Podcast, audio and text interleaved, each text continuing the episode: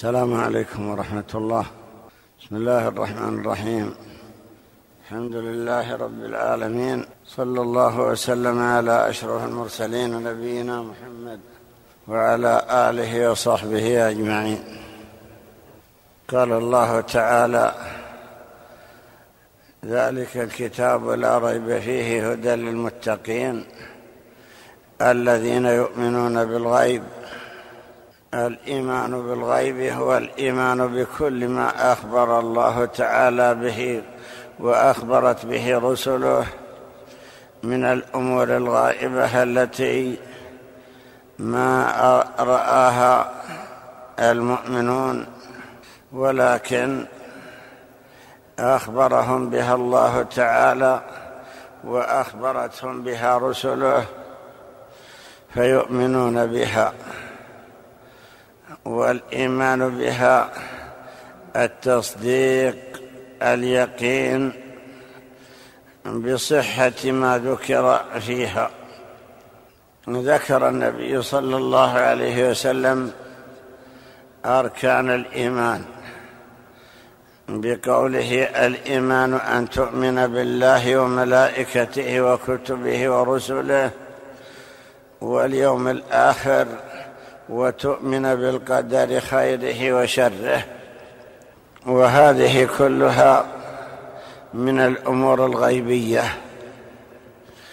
يصدق بها المسلم وإن لم يرها. وذلك لاعتماده في التصديق على خبر خبر الله تعالى وعلى خبر رسله. ومتى كان المخبر صادقا؟ قبل خبره. واعتقد صحة ما أخبر به. فلذلك يكون الإيمان بالغيب من أقوى أرك من أقوى صفات المؤمن. ورد في حديث الذاكرين أن النبي صلى الله عليه وسلم أخبر بأن لله تعالى ملائكة سياحون في الأرض. فإذا رأوا جماعة يذكرون الله تعالى تنادوا هلموا إلى حاجتكم. هلموا إلى حاجتكم ثم يحفونهم إلى السماء يحفونهم بأجنحتهم ثم يصعدون إلى السماء فيسألهم ربهم وهو أعلم منهم من أين أتيتم؟ فيقولون أتينا من عندك عباد لك يذكرونك ويشكرونك ويحمدونك ويدعونك ويستغفرونك. فيقول وهل رأوني؟ فيقولون لا والله يا ربنا ما رأوك. فيقول كيف لو رأوني؟ يقولون لو رأوك لكانوا أعظم لك عبادة وأعظم لك تعظيما وأعظم لك تبجيلا. فيقول وما يسألوني؟ يقولون يسألونك الجنة. فقال هل رأوها؟ قالوا لا والله ما رأوها. كيف لو رأوها؟ قالوا لو رأوها لكانوا أشد لها طلبا وأشد لها حرصا. قالوا ويستعيذون بك من النار. فيقول هل رأوها؟ قالوا لا والله ما رأوها. فيقول كيف لو رأوها؟ فيقولون لو رأوها لكانوا أشد منها هربا. وأشد منها استعاذة أو كما قال. هذه صفة الإيمان بالغيب أي أنهم يؤمنون بالغيب بمعنى أنهم يصدقون بما أخبروا به يؤمنون بربهم سبحانه وبأسمائه وبصفاته. وهم لم يروا ربهم في الدنيا ولكن يعتمدون على الأخبار الصادقة ويعتمدون أيضا على الآيات والبراهين والبينات فإيمانهم بالله وبصفاته من الإيمان بالغيب. كذلك يؤمنون بكتب الله. أنه أنزل كتبا وإن لم يشاهدوا إنزالها.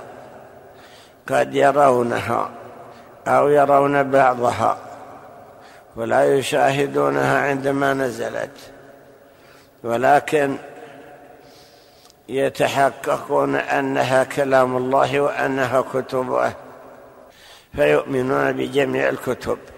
ورد أن الله تعالى أنزل مئة كتاب وأربعة كتب. الأربعة التوراة والإنجيل والزبور والقرآن. هذه الأربعة تضمنت معاني المئة الأخرى. ثم إن معاني الأربعة تضمنها القرآن. فهو مهيمن على الكتب قبله.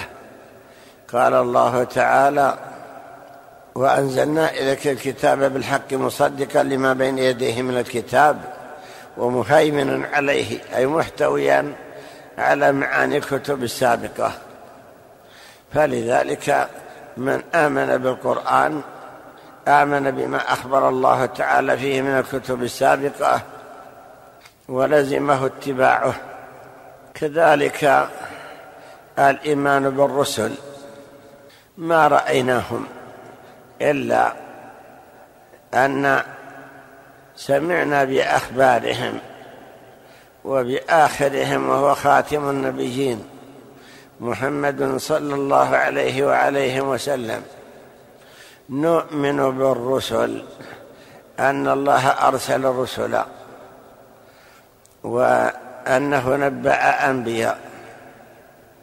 ورد في بعض الأحاديث عدد الأنبياء أنهم أربعة وعشرون ألف نبي وأن منهم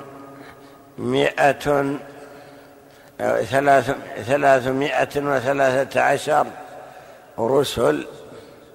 جم غفير. الذين ذكروا في القرآن نحو خمسة عشر خمسة وعشرين خمسة وعشرون نبيا وهناك أنبياء آخرون. ما ما سموا. قال الله تعالى ولقد أرسلنا رسلا من قبلك منهم من قصصنا عليك ومنهم من لم نقصص عليك. فيؤمن المسلم بجميع الأنبياء وجميع الرسل ويعتقد صدقهم أنهم مرسلون وأن الله حملهم شرعه ودينه. ويؤمن بأنهم بلغوا ما أوحي إليهم. بلغوا الرسالات التي أرسلوا بها. وأن الله أظهرهم ونصرهم. فمنهم من انتصر وظهر على قومه ومنهم من أوذي وعذب وقتل. كما قال تعالى فريقا كذبتم وفريقا تقتلون. وقال قل قد جاءكم رسل من قبلي بالبينات وبالذي قلتم فلم قتلتموهم؟ دل على أن هناك أنبياء ورسل قد تسلط عليهم أعداؤهم فقتلوهم. ولكن الله تعالى ذكر أنه ينصر من يشاء. كذلك الإيمان باليوم الآخر من الإيمان بالغيب الإيمان باليوم الآخر وبالبعث بعد الموت وبما يكون في الدار الآخرة وبما يكون بعد في البرزخ في البرزخ من الجنة والنار وعذاب القبر والحساب في الآخرة وما أشبه ذلك. مفصل في القرآن وفي السنة ومبين جميع ما يكون في الآخرة مجملا ومفصلا نؤمن به وإن لم نره وإن لم تدركه عقولنا. هكذا يكون أهل السنة يؤمنون بالبعث بعد الموت ويؤمنون بما يكون في الآخرة. مما فصل في القرآن وجاء تفصيله موضحا في السنة. خالف في ذلك المشركون الذين يستبعدون إحياء الموتى ويقولون أإذا متنا وكنا ترابا ذلك رجع بعيد. يستبعدونه. أإذا متنا وكنا ترابا وعظاما أئنا لمبعوثون أو آباؤنا الأولون. قل إن الأولين والآخرين لمجموعون إلى ميقات يوم معلوم ثم يكذب بذلك أيضا الفلاسفة الذين ينكرون بعث الأجساد. وذلك لأنهم لفلسفتهم ولتوغلهم في هذا العلم الغيبي أدى بهم الأمر إلى أن أنكروا ما لا تدركه عقولهم واستبعدوا إحياء الموتى بعد التفرق والذهاب. أما المؤمنون وأهل السنة والجماعة وسائر أهل السنة وسائر المؤمنين فإنهم يقرون بالبعث وبالجزاء على الأعمال ويؤمنون بكل ما أخبر الله تعالى به في الدار الآخرة من الجزاء الأوفى ويؤمنون بأن الجنة دار النعيم. أعدها الله تعالى لأنبيائه وأتباعهم. وأنها باقية ليس بعدها ضعن ولا ارتحال ولا فناء لها. وكذلك يؤمنون بأن النار دار العذاب. أعدها الله تعالى لأعدائه وأنها باقية. لا تفنى ولا تبيد ودليلهم في ذلك القرآن والسنة. كذلك من الإيمان بالغيب الإيمان بقدرة الله الإيمان بالقضاء والقدر وعموم قدرة الله تعالى على كل شيء. أنه على كل شيء قدير.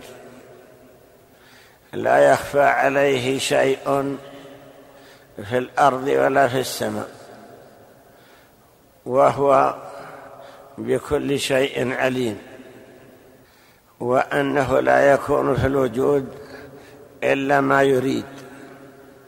وأنه قدر مقادير الخلق وكتب ذلك في اللوح المحفوظ.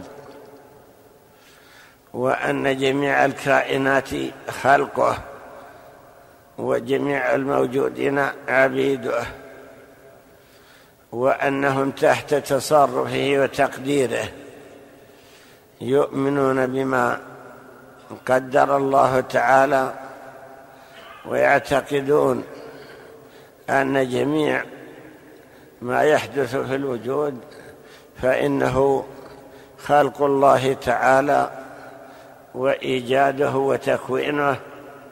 كذلك أيضا من الإيمان بالغيب الإيمان بالملائكة الذين خلقهم الله تعالى لعبادته وسخرهم وكلفهم وأمرهم فأطاعوه فهم من أولياء الله تعالى ومن الذين خلقوا لعبادته وطاعته.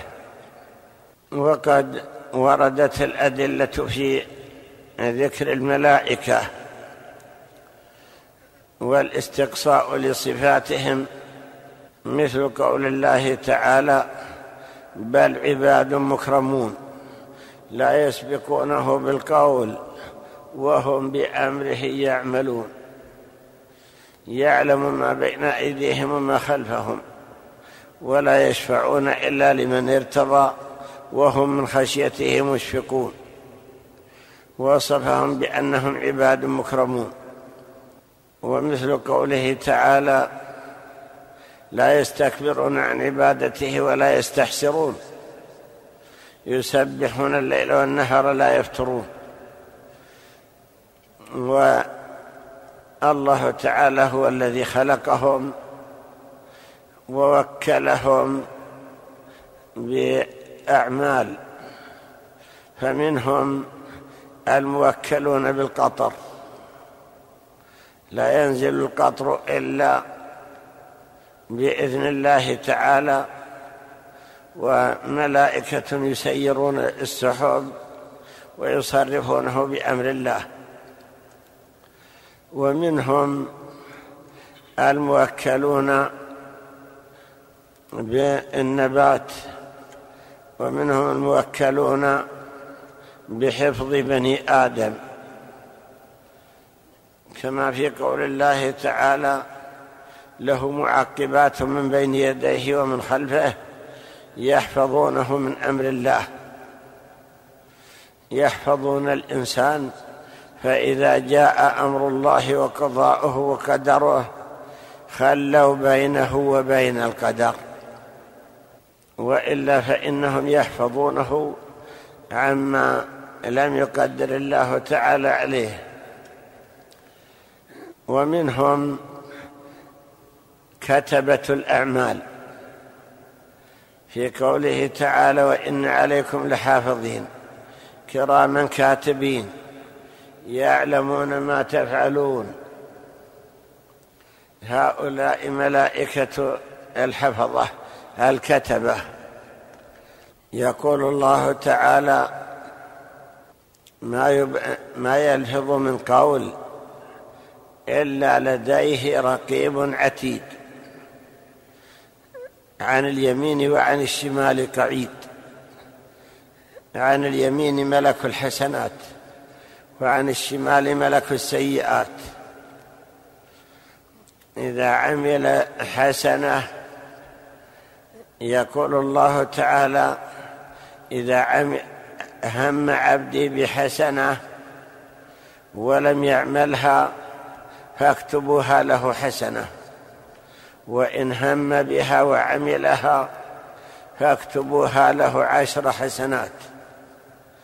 وإذا هم بسيئة فلم يعملها فاكتبوها له حسنة.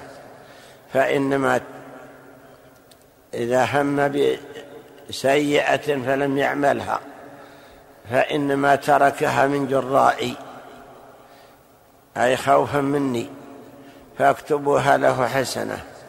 وإن هم بها وعملها فاكتبوها سيئة واحدة. يكتبون بأمر الله ما يعمله من خير أو من شر ويكتبون كل كلامه. هناك ملائكة موكلون بقبض الأرواح. قال الله تعالى وهو الذي يتوفاكم بالليل ويعلم ما جرحتم بالنهار ثم يبعثكم فيه. ويقول تعالى توفته رسلنا وهم لا يفرطون. وقال تعالى ولو ترى إذ الظالمون في غمرات الموت والملائكة باسطوا أيديهم أخرجوا أنفسكم اليوم تجزون عذاب الهون. هكذا أخبر بأن الملائكة باسطوا أيديهم لقبض الأرواح. كذلك الملائكة الذين سخروا بأمر الله تعالى منهم خزنة النار. كما في قوله تعالى حتى إذا جاءوها فتحت أبوابها وقال لهم خزنتها ألم يأتكم رسل منكم؟ وكذلك خزنة الجنة حتى إذا جاءوها وفتحت أبوابها وقال لهم خزنتها سلام عليكم. الموكلون بحفظ الجنة وحراستها والملائكة والملائكة الموكلون بحفظ النار وإيقادها ورد أنه يجاء بجهنم يوم القيامة في تفسير قوله تعالى وجيء يومئذ بجهنم. يقودها سبع لها سبعون ألف زمام. سبعون ألف زمام. بكل زمام سبعون ألف ملك يجرونها ما مقدارها. يعني سبعون ألف زمام كل زمام يجره سبعون ألف ملك. لا شك أن هذا دليل على عظمتها. هؤلاء ملائكة. ورد أن الملائكه الله تعالى لا يحصون. قال الله تعالى وما يعلم جنود ربك إلا هو. سمى الله في القرآن بعضهم فسمى خازن النار. قال تعالى وقالوا يا مالك ليقضي علينا ربك. مالك هو خازن النار. ورد في الحديث أن خازن الجنة اسمه رضوان وأن الملكين الموكلين بعذاب القبر اسمهما منكر ونكير وأن ملك الوحي جبريل وأن ملك القطر إسرافيل ميكائيل. فهؤلاء سموا في القرآن. جبريل وميكال أو ميكائيل ورضوان والبقية أخذوا من الأحاديث وعددهم لا يحصيه إلا الله تعالى. سمى الله تعالى بعضهم بملائكته ويقول الله تعالى ولقد آتينا موسى موسى الكتاب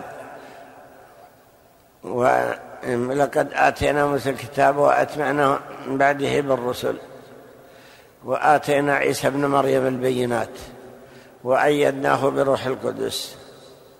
آتينا عيسى ابن مريم البينات وأيدناه بروح القدس. فسر روح القدس بأنه جبريل أن الله أيد به عيسى أيده أيد عيسى بهذا الملك. فيدل على أن الملائكة كثير وأن منهم من هو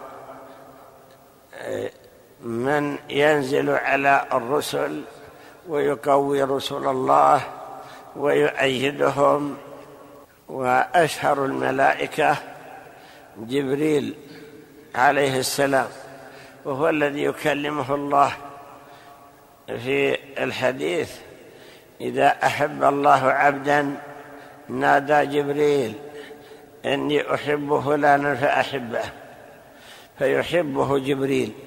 ثم ينادي في السماوات إن الله يحب فلانا فأحبوه فيحبه أهل السماوات ثم يوضع له القبول في الأرض وإذا أبغض عبدا نادى جبريل إني أبغض فلانا فأبغضه فينادي جبريل إن الله يبغض فلانا فأبغضوه فيبغضه أهل السماوات ثم توضع له البغضاء في الأرض. يكلم الله تعالى جبريل اولا. كذلك في الحديث إذا أراد الله أن يوحي بالأمر تكلم بالوحي أخذت السماوات منه رجفة أو قال رعدة شديدة خوفا من الله تعالى. فإذا سمع ذلك أهل السماوات صعقوا وخروا لله سجدا. فيكون أول من يرفع رأسه جبريل فيكلمه الله من وحيه بما يشاء. ثم يمر على الملائكة فيقولون يا جبريل ماذا قال ربنا؟ فيقول قال الحق وهو العلي الكبير. فيقولون كلهم مثل ما قال جبريل. فينتهي جبريل بالوحي إلى حيث أمره الله. فذكر أنه الذي أول من يرفع رأسه بعدما يخرون وأن الله تعالى يكلمه منه إليه وأن الملائكة يسألونه وأنه يخبرهم وأنه ينتهي بالوحي إلى حيث أمره الله. فكل ذلك دليل على مكانة هذا الملك الذي هو جبريل عليه السلام. وقد مر بنا أحاديث في صفته وفي عظمته وفي تواضعه وفي كثرة ما خلق الله له من الأجنحة. له ستمائة جناح وأنه قد سد الخافقين وأنه قد سد الأفق. وفي الحديث الذي مر بنا الله أن النبي صلى الله عليه وسلم نظر إليه وإذا هو لاطئ يعني متواضع يقول فعرفت فضله وفي بعض الأحاديث انه النبي صلى الله عليه وسلم سأله لماذا لم تضحك؟ فقال ما ضحكت منذ أن خلق الله النار مخافة أن أعصيه فيكبني فيها مع أنهم من الملائكة المقربين. فهذه صفات أولياء الله وملائكته الذين اصطفاهم لطاعته والذين قال عن عبادهم من البشر فإن استكبروا فالذين عند ربك يسبحون له بالليل والنهار وهم لا يسأمون عن الملائكة. يعني إن استكبرتم وتكبرتم يا بني آدم فإن الله تعالى له عباد يعبدونه ويطيعونه ولا يعصونه طرفة عين ألا وهم ملائكة الله.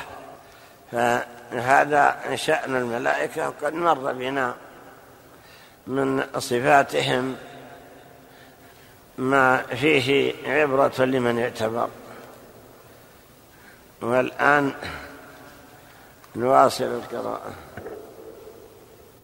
بسم الله الرحمن الرحيم. الحمد لله رب العالمين. الصلاة والسلام على أشرف المرسلين نبينا محمد وعلى آله وصحبه أجمعين. قال رحمه الله تعالى ذكر ميكائيل عليه السلام والطيران وعظم خلقه وما وكل به. قال حدثنا إبراهيم بن محمد بن الحسن قال حدثنا عبد الجبار بن العلاء قال حدثنا سفيان بن عيينة عن علقمة بن مرثد عن ابن سابط قال يدبر الأمور أربعة جبريل وميكائيل وإسرافيل وملك الموت صلى الله على نبينا وعليهم وسلم فجبريل على الريح والجنود وميكائيل على القطر والنبات وملك الموت يقبض الأرواح وإسرافيل يبلغهم ما يؤمرون به. قال حدثنا محمد بن يعقوب بن أبي يعقوب قال حدثنا علي بن عمرو ابن أبي هبيرة الأنصاري قال حدثنا يحيى بن سعيد القرشي عن الأعمش عن سعد الطائي عن عطية عن أبي سعيد رضي الله عنه قال قال رسول الله صلى الله عليه وسلم جبريل عن يمينه وميكائيل عن الأخرى.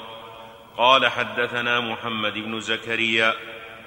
قال حدثنا أبو حذيفة. قال حدثنا سفيان عن أبيه عن عبد الرحمن بن سابط رحمه الله تعالى. قال يدبر الدنيا والامر اربعه املاك فجبريل على الريح والجنود وميكائيل على القطر والنبات وملك الموت على الأنفس. وكل هؤلاء ترفع إلى إسرافيل.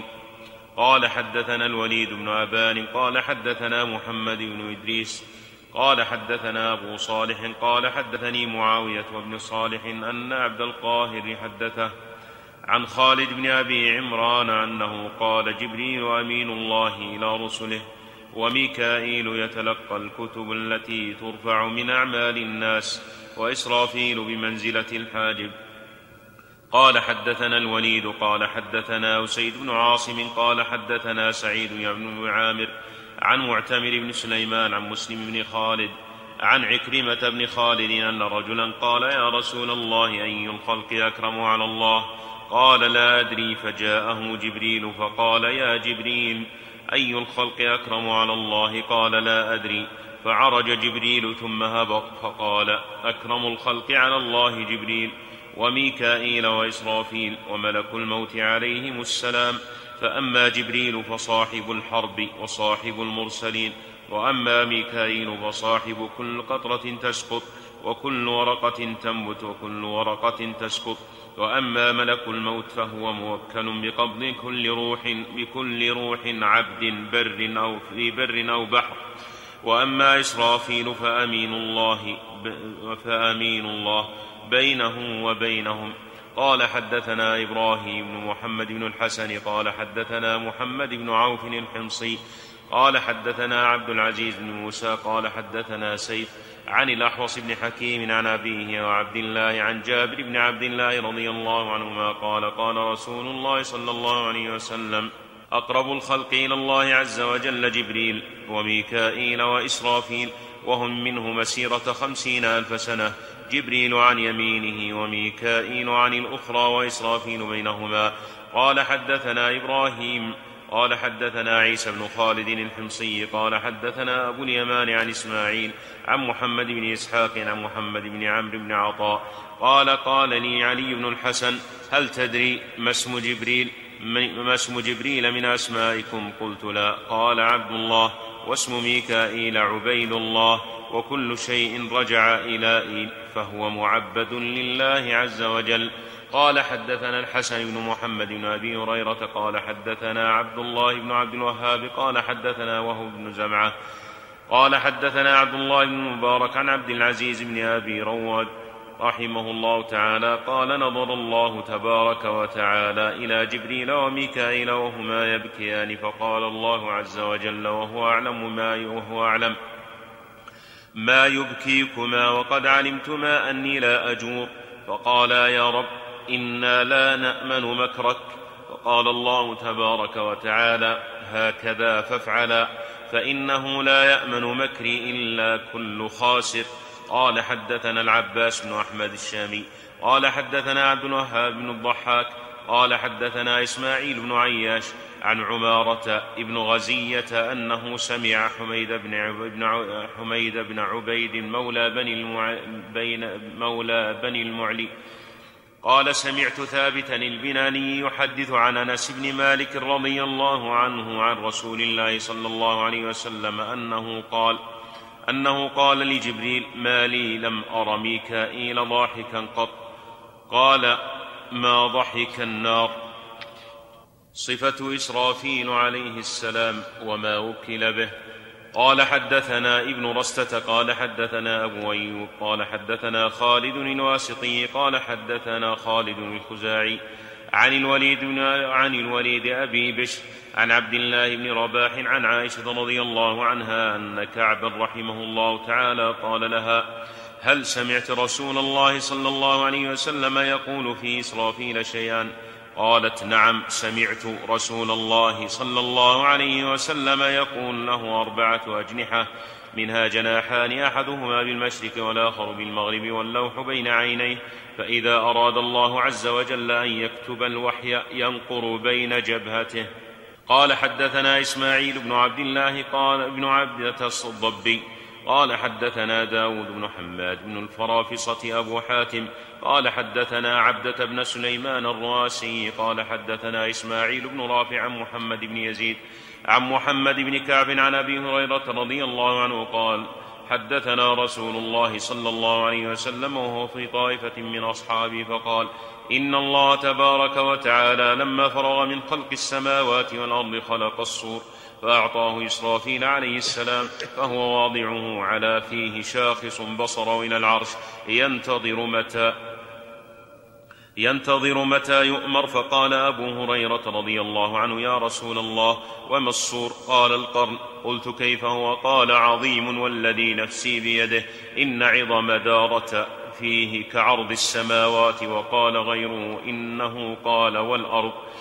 ينفخ فيه ثلاث نفخات الأولى نفخة الفزع والثانية نفخة الصعق والثالثة نفخة القيام لرب العالمين. يأمر الله عز وجل إسرافيل بالنفخة الأولى فيقول له انفخ نفخة الفزع فيفزع له من في السماوات والأرض إلا من شاء الله ويأمره فيديمها ويطولها فلا يفتر وهي التي يقول الله تبارك وتعالى. وما ينظر هؤلاء الا صيحه واحدة ما لها من فواق. فيسير الله الجبال فتمر مر السحاب ثم تكون ترابا وترتج الأرض باهلها رجا وهي التي يقول الله عز وجل يوم ترجف الراجفه. تتبعها الرادفة قلوب يومئذ واجفة فتكون الأرض كالسفينة المرتفعة في البحر تضربها الأمواج تكفأ بأهلها وكالقنديل المعلق بالعرش ترجحه الأرواح في فيبيد الناس عن ظهرها فتذهل المراضع وتضع الحوامل ويشيب الولدان وتطير الشياطين هاربة حتى تأتي الأقطار فتلقاها الملائكة فتضرب وجوهها ويولي الناس مدبرين فبيناهم على ذلك إذ تصدعت الأرض فانصدعت من قطر إلى قطر فرأوا أمرا عظيما فأخذهم لذلك من الكرب ما الله به عليم ثم نظروا إلى السماء فإذا هي كالمهل ثم انشقت من قطر إلى قطر ثم انخسفت شمسها وقمرها وتناثرت نجومها. ثم كشطت السماء عنهم. قال رسول الله صلى الله عليه وسلم والأموات لا يعلمون بشيء من ذلك. قال أبو هريرة رضي الله عنه يا رسول الله فمن استثني فمن استثنى الله عز وجل حين يقول ففزع من في السماوات ومن في الأرض إلا من شاء الله. قال أولئك الشهداء وهم أحياء عند ربهم يرزقون. وإنما يصل الفزع إلى الأحياء فوقاهم الله فزع ذلك اليوم وأمنهم منه. وهو عذاب الله يبعثه على شرار خلقه وهو الذي يقول الله عز وجل يا أيها الناس اتقوا ربكم إن زلزلة الساعة شيء عظيم يوم ترونها تذهل كل مرضعة عما أرضعت وتضع كل ذات حمل حملها وترى الناس سكارى وما هم بسكارى ولكن عذاب الله شديد فيمكثون في ذلك البلاء ما شاء الله إلا أنه يطول ذلك. ثم يأمر الله عز وجل إسرافيل فيأمره بنفخة الصعق فينفخ نفخة الصعق فيصعق أهل السماوات والأرض إلا من شاء الله. فإذا هم خامدون جاء ملك الموت عليه السلام من الجبار تبارك وتعالى فيقول يا رب قد مات أهل السماوات والأرض إلا من شئت فيقول الله عز وجل وهو أعلم. فمن بقي فيقول يا رب بقيت أنت الحي الذي لا تموت. وبقي حملة عرشك وبقي جبريل وميكا وبقي جبريل وميكائيل وأنا. فيقول الله عز وجل ليمت جبريل وميكائيل فيتكلم العرش فيقول يا رب تميت جبريل وميكائيل فيقول الله عز وجل اسكت إني كتبت على كل من تحت عرشي الموت فيموت فيموتان ويأتي ملك الموت عليه السلام إلى الجبار تبارك وتعالى فيقول قد مات جبريل وميكائيل فيقول الله عز وجل والله أعلم فمن بقي فيقول يا رب بقيت أنت الحي الذي لا تموت وبقي حملة عرشك وبقيت وبقيت أنا فيقول الله عز وجل ليمت حملة عرشي فيموتون ثم يأتي ملك الموت إلى الجبار تبارك وتعالى فيقول يا رب قد مات حملة عرشك فيقول الله عز وجل وهو أعلم فمن بقي فيقول يا رب بقيت أنت الحي الذي لا تموت وبقيت أنا فيقول الله عز وجل له أنت خلق من خلقي خلقتك لما رأيت فمت فيموت فإذا لم يبق إلا الله تبارك وتعالى الواحد الأحد الصمد ليس بوالد ولا ولد. كان آخرا كما كان أولا قال لا موت على أهل الجنة ولا موت لأهل النار. ثم يطوي الله تبارك وتعالى السماوات والأرض كطي السجل. ثم دحاها ثم يلففها ثم قال أنا الجبار. ثم هتف بصوته تبارك وتعالى وتقدس. فقال لمن الملك اليوم؟ ثم قال لله الواحد القهار. ثم نادى ألا من كان لي شريكا فليأتي؟ ألا من الذي كان لي شريكا؟ ألا من الذي كان لي شريكا فليات فلا يأتيه أحد. ثم يبدل الله السماء والأرض غير الذي غير الأرض غير الأرض. فيبسطها ويسطحها ويمدها مد الأديم العكاض ثم, ثم لا, لا ترى فيها عوجا ولا أمتا. ثم يزجر الله عز وجل الخلق زجرة فإذا هم في هذه المبدلة في مثل مواضعهم من الأول في بطنها وعلى ظهرها. ثم ينزل الله عز وجل عليه ثم ينزل الله عز وجل عليكم ماء من تحت العرش. يقال له الحيوان فتمطر, فتمطر السماء عليكم أربعين يوما حتى يكون الماء فوق اثنتي عشرة ذراعا. ويأمر الله عز وجل الأجساد أن تنبت فتنبت كنبات الطراثيث وكنبات البقر حتى إذا تكاملت أجسادهم فكانت كما كانت. قال الله عز وجل ليحيا حملة عرشي فيحيون فيأمر الله عز وجل إسرافيل عليه السلام فيأخذ الصور. ثم يقول الله عز وجل ليحيى جبريل وميكائيل فيحيان ثم يدعو الله عز وجل الأرواح فيؤتى بها تتوهج أرواح المسلمين نورا والأخرى ظلمة ثم يلقيها الله عز وجل في الصور ثم يقول الله عز وجل لإسرافيل انفخ نفخة البعث فتخرج الأرواح كأنها النحل قد ملأت ما بين السماء والأرض. فيقول الجبار تبارك وتعالى وعزتي وجلالي ليرجعن كل روح إلى جسده فتدخل الأرواح في الأرض على الأجساد ثم تدخل في الخياشيم فتمشي في الأجساد كمشي السم في اللديغ ثم تنشق الأرض عنكم وأنا أول من تنشق عنه الأرض فتخرجون سراعا إلى ربكم تنسلون كلكم على سن الثلاثين واللسان يومئذ سريان سراعا إلى ربكم تنسلون. مهطعين إلى الداعي يقول الكافرون هذا يوم عسر ذلك يوم الخروج وحشرناكم فلم نغادر منكم أحدا فيوقفون في موقف واحد مقدار سبعين عاما لا ينظر إليكم ولا يقضى بينكم فتبكي الخلائق حتى ينقطع الدمع. ثم يدمعون دما ويغرقون حتى يبلغ ذلك منهم الأذقان أو يلجمهم ثم يضجون فيقولون من يشفع لنا إلى ربنا ليقضي بيننا فيقولون ومن أحق بذلك من أبيكم آدم خلقه الله بيده ونفخ فيه من روحه وكلمه قبلا. فيؤتى آدم فيطلب ذلك إليه فيأبى ثم يستبقون إلى الأنبياء نبيا نبيا. كلما جاءوا نبيا أبى فقال رسول الله صلى الله عليه وسلم حتى يأتوني فإذا جاءوني انطلقت حتى آتي الفحص.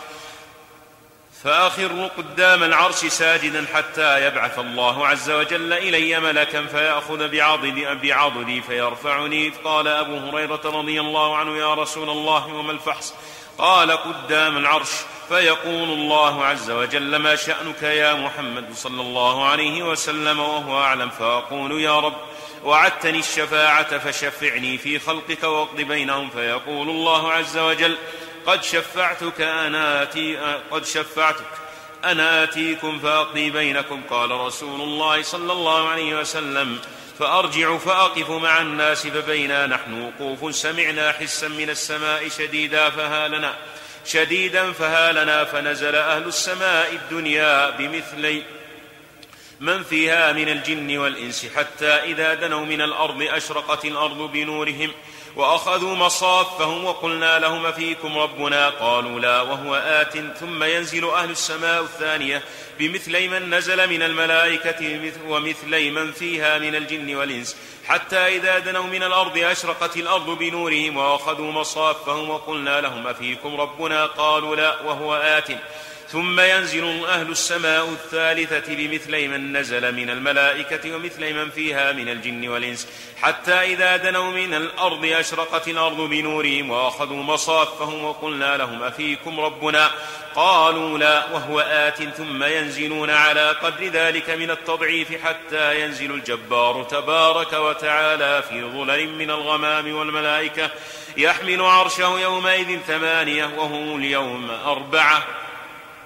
أقدامهم على تخوم الأرض السفلى والأرضون والسماوات إلى حجزهم على مناكبهم لهم زجل بالتسبيح وتسبيحهم أن يقولوا سبحان ذي الملكوت سبحان ذي الملك والملكوت سبحان ذي العز والجبروت سبحان الحي الذي لا يموت سبحان الذي يميت الخلائق ولا يموت سبوح قدوس رب الملائكة والروح قدوسا قدوسا سبحان ربنا الأعلى سبحان ذي الملكوت والجبروت والكبر والكبرياء والسلطان والعظمة. سبحانه أبد الآباد ثم يضع الله تعالى عرشه حيث يشاء من الأرض. ثم يقول وعزتي وجلالي لا يجاور اليوم أحد بظلم ثم ينادي نداء يسمع الخلائق فيقول يا معشر الجن والإنس إني قد أنصت لكم منذ يوم خلقتكم إلى يوم هذا أبصر أعمالكم وأسمع قولكم. فأنصتوا لي فإنما هي صحفكم وأعمالكم. تقرأ عليكم فمن وجد خيرا فليحمد الله ومن وجد غير ذلك فلا يلومن إلا نفسه. ثم يأمر الله عز وجل جهنم فيخرج منها عنق ساطع مظلم ثم يقول وامتازوا اليوم أيها المجرمون ألم أعهد إليكم يا بني آدم ألا تعبدوا الشيطان إنه لكم عدو مبين؟ إلى آخر الآية ثم يقضي الله عز وجل بين خلقه كلهم إلا الثقلين الجن والإنس. يقيد بعضهم من بعض حتى إنه ليقيد الجماء من ذات القر حتى إذا لم تبق تبعة واحدة عند أخرى قال الله عز وجل كوني ترابا فعند ذلك يقول الكافر يا ليتني كنت ترابا. ثم يقضي الله عز وجل بين الثقلين فيكون أول ما يقضي فيه الدماء. فيؤتى بالذي كان يقتل في سبيل الله عز وجل بأمر الله وكتابه ويأتي من قتله من قتل كلهم. تشخب أوداجه دما ثم يقولون يا ربنا يا ربنا قتلنا هذا. فيقول الله عز وجل وهو أعلم لم قتلتهم؟ فيقول يا رب قتلتهم لتكون العزة لك. فيقول الله عز وجل صدقت. فيجعل الله عز وجل وجهه فيجعل الله عز وجل وجهه مثل نور الشمس. ثم تشيعه ثم تشيعه الملائكة إلى الجنة. ثم يؤتى بالذي كان يقتل في الدنيا على غير طاعة الله عز وجل وغير أمر الله تعززا. تعززا في الدنيا ويأتي من قتل كلهم يحمل رأسه تشخب أوداجه دما. فيقولون ربنا قتلنا هذا فيقول الله عز وجل له وهو أعلم لم قتلتهم فيقول يا رب قتلتهم لتكون العزة لي فيقول الله عز وجل تعست فيسود الله وجهه وتزرق عيناه ثم لا يبقى نفس ثم لا تبقى نفس قتلها إلا قتل بها ثم يقضي بين من بقي من خلقه إنه ليكلف يومئذ شائب اللبن بالماء ثم يبيعه. أن يخلص الماء من اللبن حتى إذا لم يبق لأحد عن أحد تبعة نادى مناد فأسمع الخلق كلهم فقال ألا لي الحق كل قوم بآلهتهم وما كانوا يعبدون من دون الله ولا يبقى أحد عبد دون الله عز وجل شيئا إلا مثلت له آلهة بين يديه ويجعل يومئذ ملك من الملائكة على صورة عيسى فيتبعه النصارى ويجعل ملك من الملائكة على صورة عزير فيتبعه اليهود ثم تقودهم آلهتهم إلى النار وهي التي يقول الله عز وجل لو كان هؤلاء آلهة ما وردوها وكل فيها خالدون حتى إذا لم يبق إلا المؤمن حتى إذا لم يبق إلا المؤمن فيهم في المؤمن فيهم المنافق. جاءهم الله عز وجل فيما شاء من هيبته فقال يا أيها الناس الحقوا بآلهتكم وما كنتم تعبدون فيقولون والله ما لنا من إله إلا الله وما كنا نعبد غيره. ثم ينصرف عنهم وهو الله عز وجل. فيثبتهم فيمكث ما شاء الله أن يمكث ثم يأتيهم فيما شاء من هيبته. فيقول يا أيها الناس ذهب الناس فالحقوا بآلهتكم وما كنتم تعبدون فيقولون والله ما لنا من إله إلا الله وما كنا نعبد غيره فيقول الله عز وجل أنا ربكم؟ فيقولون إنا نعوذ بالله منك حتى إنهم ليهموا فيقول فيقول هل بينكم وبين ربكم من آية تعرفونها؟ فيقولون نعم. فيكشف الله عز وجل لهم عن ساقه ويتجلى لهم من عظمة الله ما يعرفون به ربهم فيخرون سجدا فيسجدون ما شاء الله ويجعل الله عز وجل أصلاب المنافقين كصياص البقر ويخرون على أقفيتهم ثم ثم يأذن الله عز وجل لهم فيرفعون فيرفعون ثم يضرب, يضرب الصراط فيجعل بين ظهري جهنم كحد الشعر أو كحد السيف عليه كلاليب وخطاطيف. ساق المؤلف. هذا الحديث الطويل ويسمى حديث الصور وقد ذكره ابن كثير في سورة في تفسيره في سورة الأنعام عند قوله تعالى ويوم في الصور وساقه أيضا في البداية والنهاية. ومن ساقه المؤلف ها هنا بإسناده بهذا السياق الطويل. والحديث يظهر أنه ليس بثابت وإنما هو مجموع من عدة أحاديث كعادة القصاص الذين يجمعون الأحاديث الطويلة ليكون فيها ترهيب وترغيب وتخويف للسامعين. ومناسبة ذكره لما ذكر الملك الذي الذي ينفخ في الصور وهو إسرافيل عليه السلام. والله أعلم.